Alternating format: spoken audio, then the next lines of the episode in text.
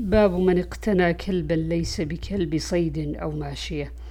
عن ابن عمر رضي الله عنهما عن النبي صلى الله عليه وسلم قال من اقتنى كلبا ليس بكلب ماشية أو ضارية نقص كل يوم من عمله قيراطان. وعنه رضي الله عنه قال سمعت النبي صلى الله عليه وسلم يقول من اقتنى كلبا إلا كلبا ضاريا لصيد أو كلب ماشية فإنه ينقص من أجره كل يوم قيراطان. وعنه رضي الله عنه قال قال رسول الله صلى الله عليه وسلم من اقتنى كلبا إلا كلب ماشية أو ضارية نقص من عمله كل يوم قيراطان. باب إذا أكل الكلب وقوله تعالى يسألونك ماذا أحل لهم؟ قل أحل لكم الطيبات وما علمتم من الجوارح مكلبين تعلمونهن مما علمكم الله فكلوا مما أمسكن عليكم واذكروا اسم الله عليه واتقوا الله إن الله سريع الحساب. مكلبين الكواسب اجترحوا اكتسبوا تعلمونهن مما علمكم الله فكلوا مما أمسكن عليكم إلى قوله سريع الحساب. وقال ابن عباس إن أكل الكلب فقد أفسده إنما أمسك على نفسه. والله يقول تعلمونهن مما علمكم الله فتضرب وتعلم حتى تترك. وكرهه ابن عمر وقال عطاء إن شرب الدم ولم يأكل فكل.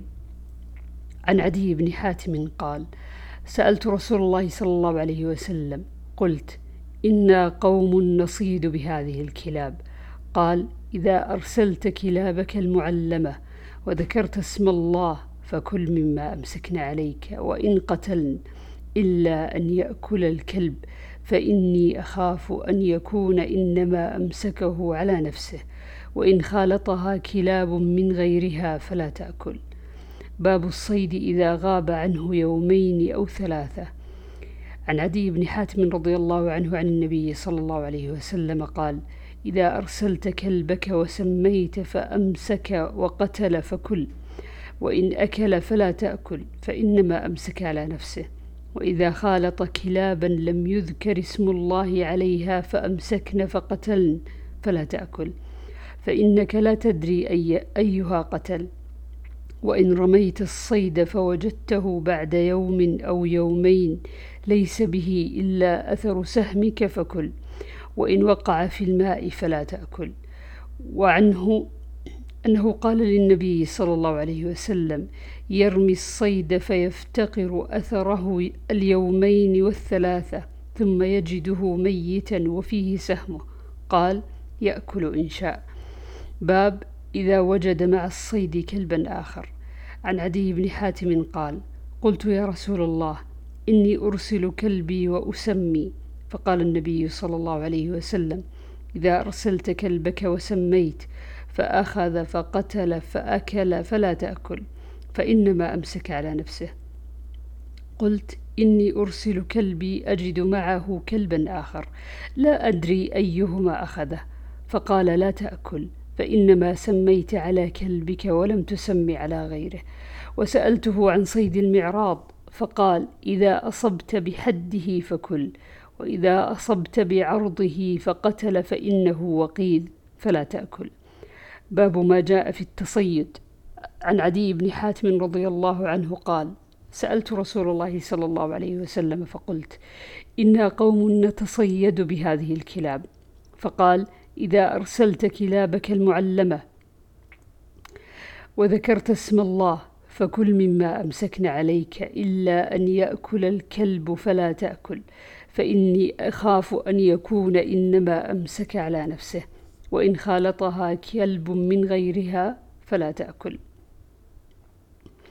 عن أبي ثعلبة الخشني رضي الله عنه قال أتيت رسول الله صلى الله عليه وسلم فقلت يا رسول الله إنا بأرض قوم أهل كتاب نأكل في آنيتهم وأرض صيد أصيد بقوسي وأصيد بكلبي المعلم والذي ليس معلما فأخبرني ما الذي يحل لنا من ذلك فقال أما ما ذكرت من, أن من أنك بأرض قوم أهل كتاب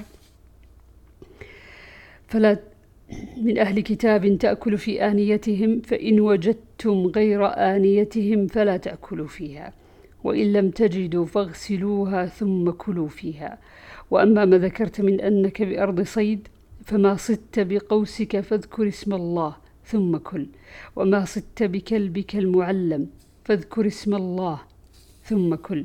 وما صدت بكلبك الذي ليس معلما فأدركت ذكاته فكل. عن أنس بن مالك رضي الله عنه قال أنفجنا أرنبا بمر الظهران فسعوا عليها حتى لغبوا. فسعيت عليها حتى أخذتها فجئت بها إلى أبي طلحة فبعث إلى النبي صلى الله عليه وسلم بور بوركيها أو فخذيها فقبله.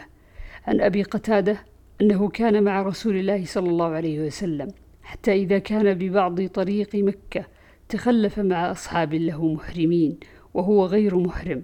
فرأى حمارا وحشيا فاستوى على فرسه ثم سأل أصحابه أن يناولوه سوطا فأبوا فسألهم رمحه فأبوا فأخذه ثم شد على الحمار فقتله فأكل منه بعض أصحاب رسول الله صلى الله عليه وسلم وأبى بعضهم فلما أدركوا رسول الله صلى الله عليه وسلم سألوه عن ذلك فقال إنما هي طعمة أطعمكم الله عن أبي قتادة مثله إلا أنه قال هل معكم من لحمه شيء؟